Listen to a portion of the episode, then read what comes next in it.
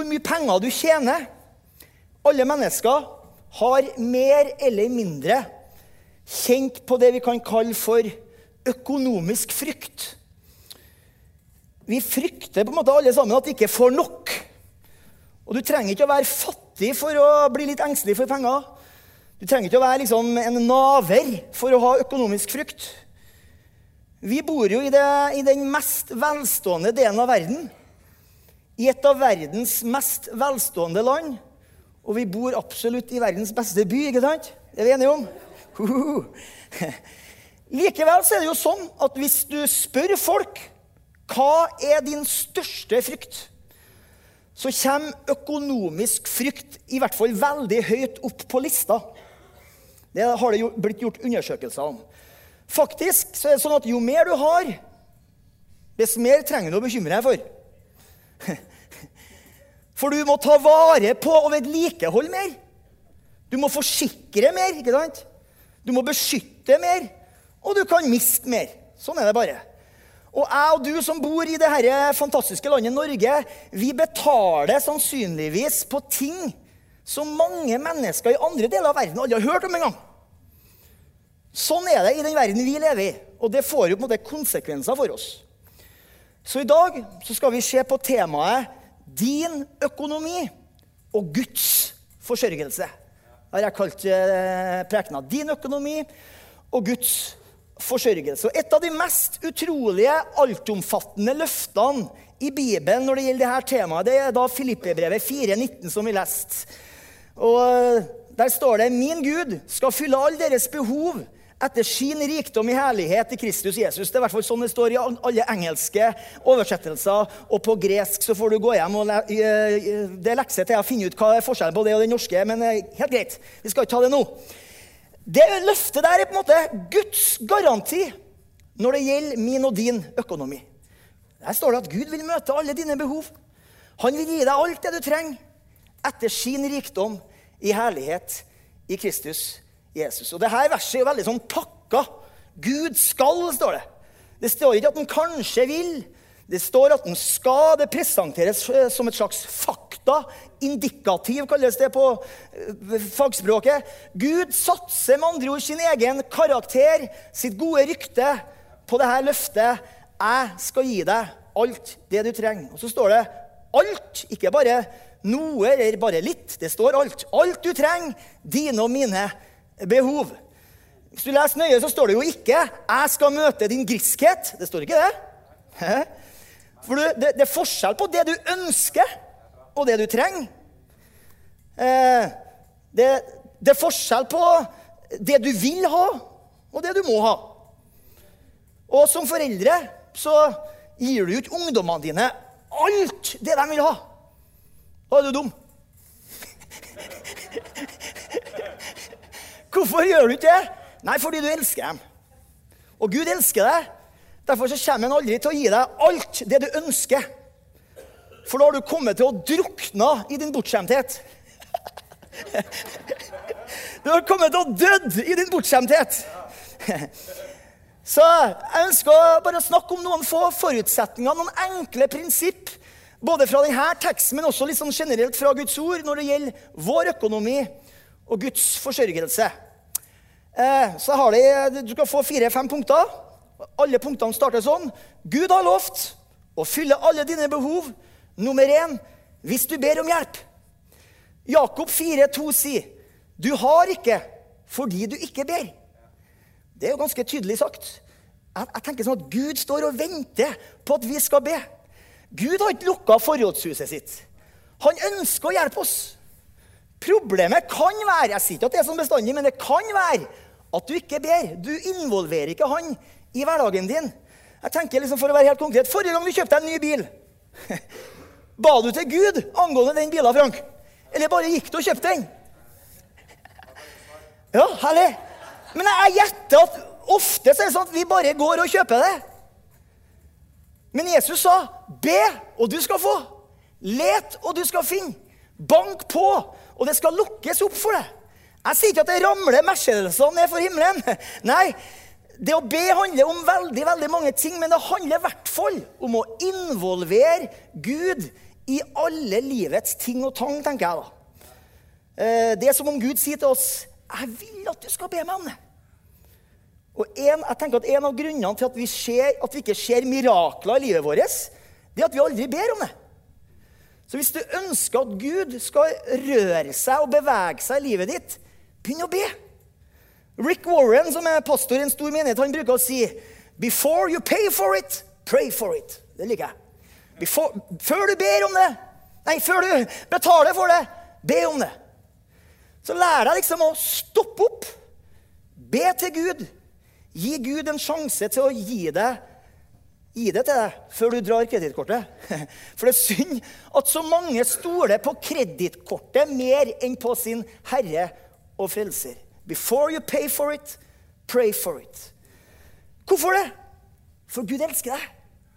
En god far som elsker deg, han elsker også å gi gaver til sine barn. I Johannes 16, 24 så sier Jesus, 'Hittil har dere ikke bedt om noe i mitt navn.' Be, og dere skal få, så gleden deres kan være fullkommen. Hvis du liksom går gjennom den teksten her, Hvorfor vil han at de skal be? Jo, han vil at de skal be for at han ønsker å gi. Hvorfor ønsker han å gi? Jo, for at du skal få. Hvorfor ønsker han at du skal få? For at din glede kan være fullkommen, står det. Hvorfor det? Jeg tenker at det er så enkelt at Vi er mye bedre reklameplakater for Gud når vi er glad. Aha.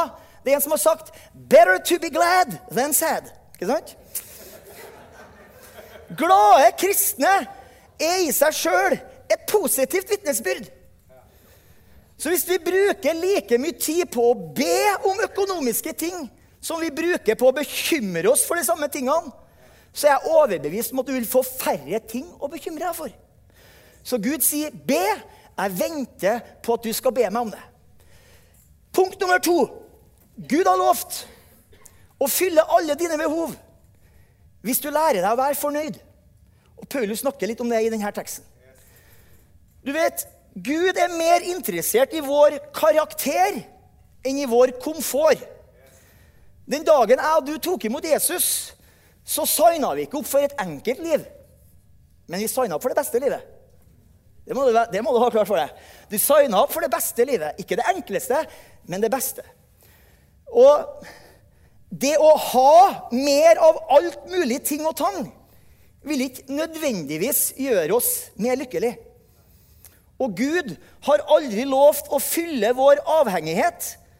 Det løftet vil du aldri finne i Guds ord. I 1. Timoteus brev, kapittel 6 og vers 6, så står det Gudsfrykt med nøysomhet eller fornøydhet er en stor vinning. For vi hadde ingenting med oss inn i verden. Og det er sikkert at vi ikke kan bære noe med oss ut av verden. Jeg vet ikke om du har vært til stede når en baby blir født. Jeg har vært der to ganger. Sto veldig spent, liksom.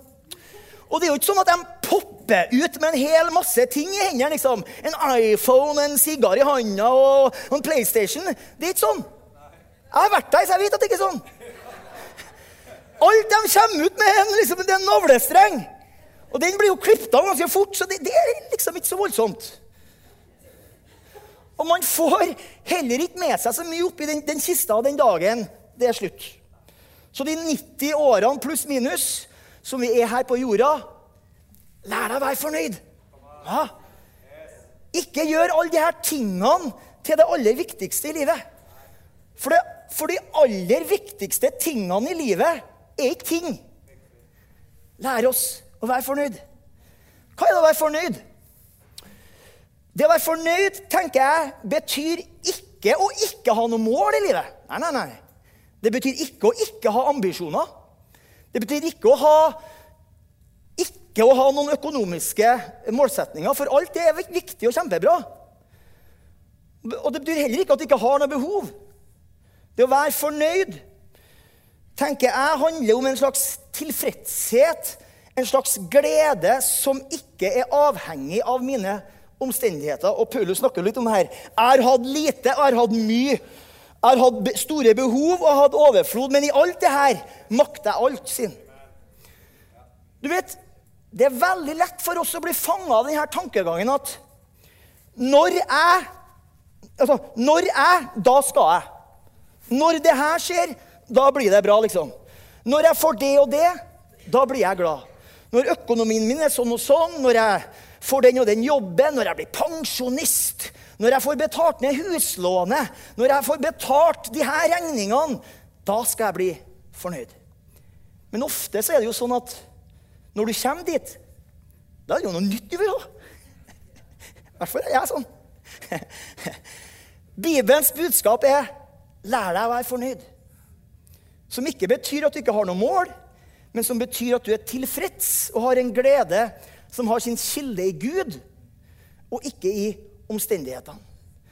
Paulus hadde lært det, for vi leste i denne teksten i Filippebrevet 4,12, så sier han jeg vet hva det er å være mett, og jeg vet hvordan det er å være sulten.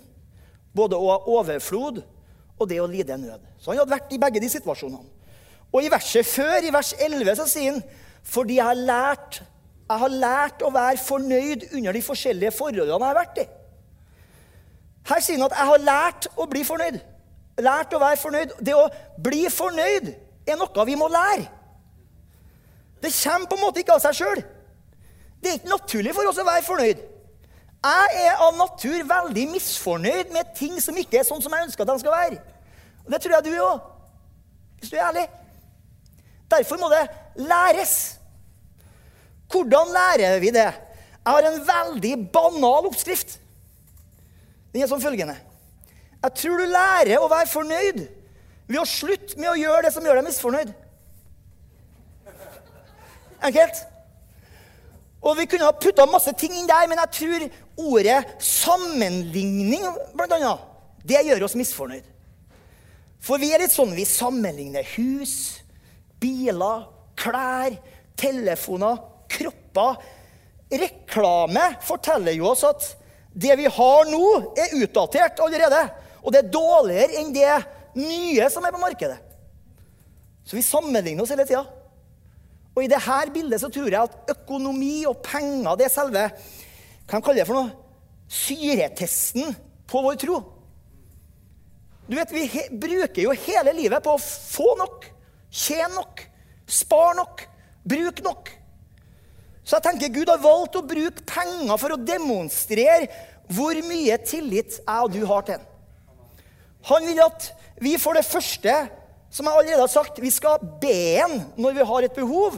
Og deretter må vi lære oss å være fornøyd. For vår glede skal ikke være avhengig av hvor mye eller hvor lite vi har. Hvis vi ikke lærer oss å være fornøyd, så vil vi aldri bli glad. Punkt nummer tre. Gud har lovt å fylle alle dine behov hvis du praktiserer det å gi i tro.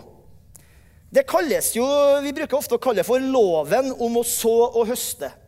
Og Det står i 2. Korinterbrev 9, vers 6 og 7. Der sier Paulus.: Men dette sier jeg. Den som sår sparsomt, skal høste sparsomt. Den som sår rikelig, skal høste rikelig. Enhver skal gi slik han har bestemt seg for i sitt hjerte, ikke motvillig eller av tvang, for Gud elsker en glad giver. Ikke motvillig, ikke av tvang. Hvis du føler deg pressa til å gi, ikke gi. Ikke gi av tvang, sier Paulus. Nei, du skal gi ut av glede.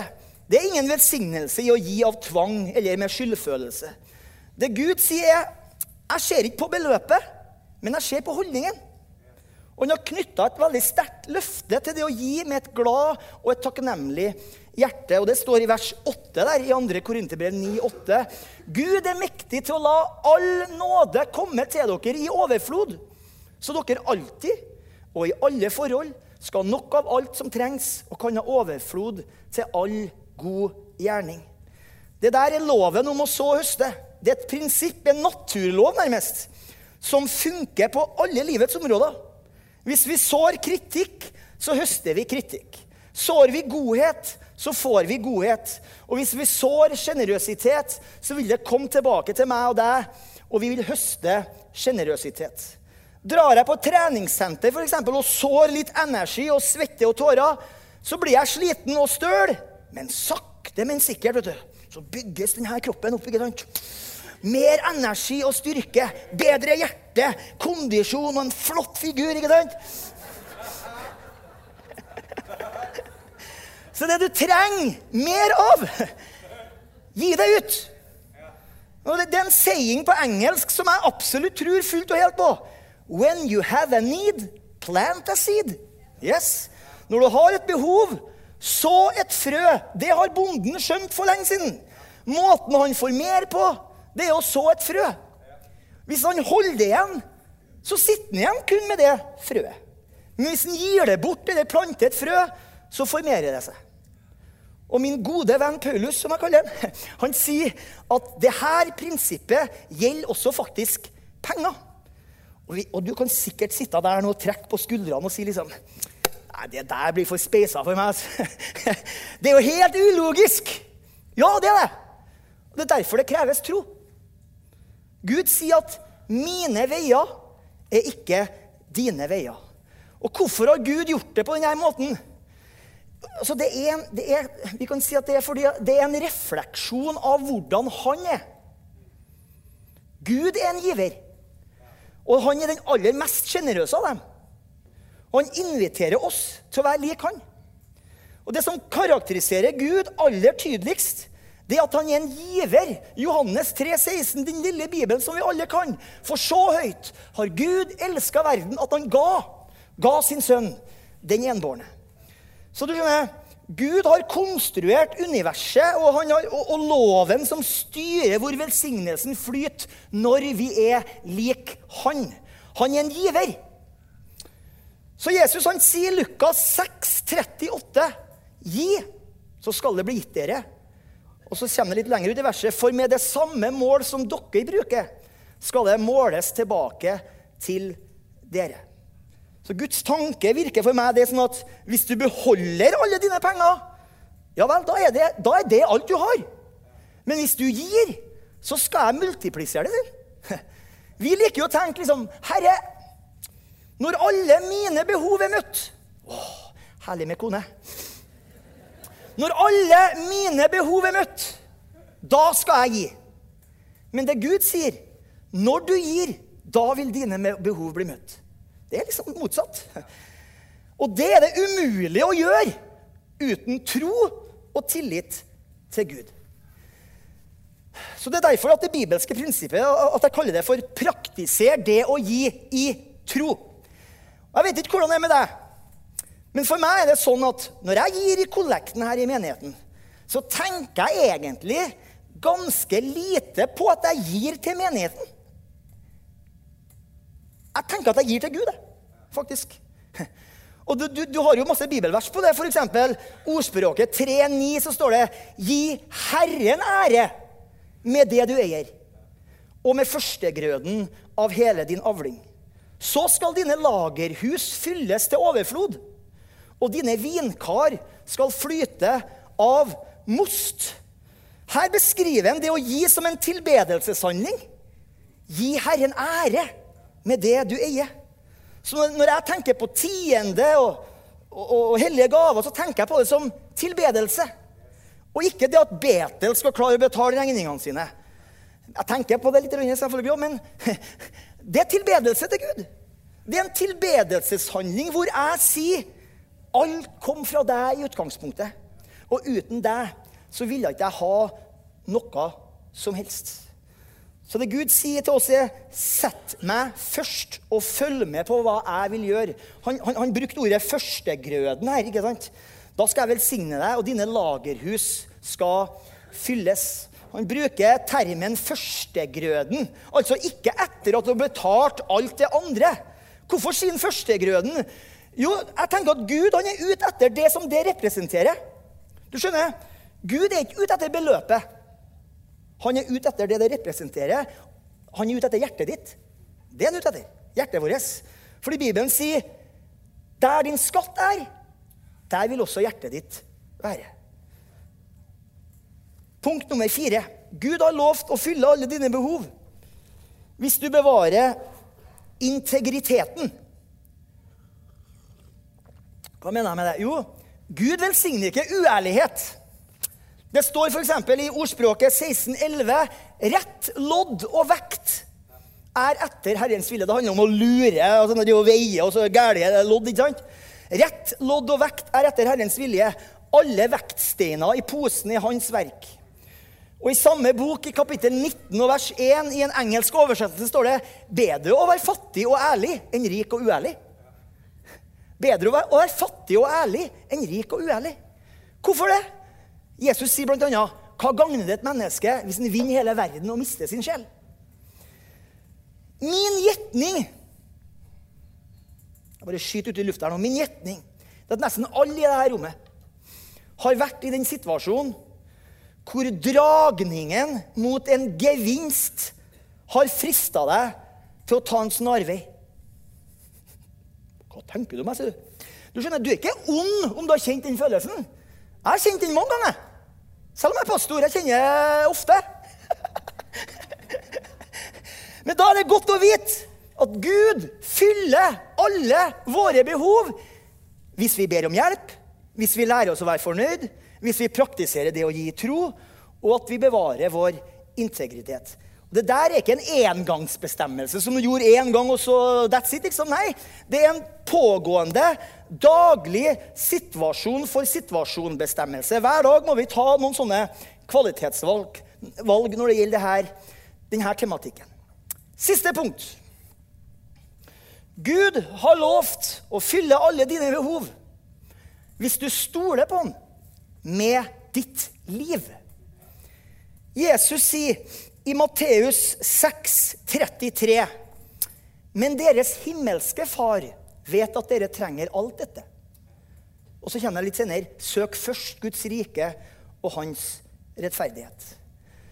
Når jeg var liten, så var det sånn at hvis jeg trengte noe, så gikk jeg til mamma eller en pappa de der, og sa 'Pappa, jeg trenger penger til det og det'. Og ikke en eneste gang i min oppvekst så bekymra jeg meg for hvor jeg skulle skaffe pengene. Ja? For det var fattern sin jobb å bekymre seg for det. Fordi han var far min og jeg var sønnen. Og sånn er det. Sønnen bruker penger. Faren tjener penger. Det var på en måte den dealen vi hadde.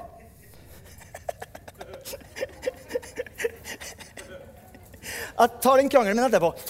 Mange Mange oppfører seg i dag, mange kristne, som åndelige foreldreløse barn. Som har glemt at de har en himmelsk far som bryr seg. Vi leste jo her deres himmelske far vet at dere trenger alt dette. Det er som han sier, Jeg venter på at du skal be meg om det. Han lengter etter å involvere seg i livene våre. Og han bruker da i den teksten der i Matteus 6 han bruker skaperverket for å illustrere det. Han sier at verken fuglene under himmelen eller blomsteren på marka bekymrer seg for framtida. Du vet, Det er bare mennesker som går rundt og bekymrer seg. Alt annet i skaperverket stoler på at Gud skal sørge for dem. Og Bibelen sier at hvis Gud sørger for fuglene på himmelen og blomsteren på marken, tror du ikke da at han også da vil ta seg av meg og deg? Ja, teksten sier faktisk at hvor mye mer? Han skal gjøre det enda mer, står det. Og Det er en, en ganske kjent teolog som har sagt Hold deg fast nå. Han, sa, han har sagt bekymring er egentlig en mild form for ateisme. Hver gang du bekymrer deg, sin, så oppfører du deg som en ateist. For da har du tatt Gud ut av regnestykket. Da sier du egentlig at det er avhengig av meg. Det står og faller på meg, og det blir for tungt å bære for meg. Men det stemmer ikke. Det verken står eller faller på deg og meg. Og det skal vi være glad for, ikke sant? Når jeg vokste opp i denne menigheten som gutt, Da var det mye sånne sanger vi sang. ikke sant? Og en sang som jeg ble hjernevaska med, det var sangen her. He's got the whole world in his hand. He's got the whole world. Lærte vi bare ungene den sangen uten at vi tror på det? sånn? He's got the whole world in his hand. Hvis Gud har hele verden i sin hånd, da har han både meg og deg i sine hender. Så bekymring er da ateisme light. Det er på en måte et slags varselsignal om at man tviler på at Gud virkelig elsker seg. Og da ender du fort opp i problemer hvis du tviler på om Gud elsker deg og bryr seg om det. Det siste punktet det kalte jeg jo for 'stol på han med ditt liv'. Eh, sett Gud først. Det er dumt å sette noe foran Gud. Det som ofte skjer da, er at den greia blir ofte en kilde til bekymring. Fordi du frykter at du vil miste. Aha. I 1. Timoteus brev 6, 17, så sier Paulus Pålegg dem som er rike i denne verden, at de ikke skal være hovmodige, og heller ikke stol på usikker rikdom, men på den levende Gud. Og så gir han oss litt informasjon om den guden som han ber oss om å stole på. Og han sier, 'Han som gir oss rikelig å nyte av alle ting.' Samme hvor mye du har, så kan du miste. Derfor kaller Paulus det for usikker rikdom her. Og hvis det er usikkert, da er det dumt å ha sin sikkerhet der. ikke sant? Hvis det er usikkert. I Salme 111, vers 5, så står det sånn han har gitt føde til den som frykter en. Til evig tid skal han minnes sin pakt. Jeg tror at det er viktig at vi kommer tilbake til den barnslige, enkle troen på en Gud som aktivt ønsker å være involvert i livene våre. Det står i Salme 34, 34,4.: Jeg søkte Herren. Og så står det Og han var helt stille. Nei, jeg søkte Herren, og han svarte meg. Han fridde meg ut fra alt jeg frykta for. Du skjønner, svaret på din frykt, det svaret finner du i Jesus Kristus. Og du trenger å sette din lit til han. Så kan lovsangerne komme opp. Min utfordring til deg i dag det er å forankre troa di på Guds forsørgelse i de her enkle punktene som jeg har gitt deg. Og det var be Gud om hjelp angående din økonomi. Lær deg å være fornøyd, lær deg å være tilfreds. Lær deg å ha en glede og en tilfredshet som er uavhengig av omstendighetene dine. Slutt, slutt å sammenligne deg med andre. Det tredje var å praktisere det å gi i tro tiende og hellige gaver som en tilbedelseshandling. Lev med integritet, ærlig og redelig, og stol på Gud med livet ditt. Sett Gud først. Skal vi reise oss opp og så tar med oss i en lovsang, og så skal vi bare, bare be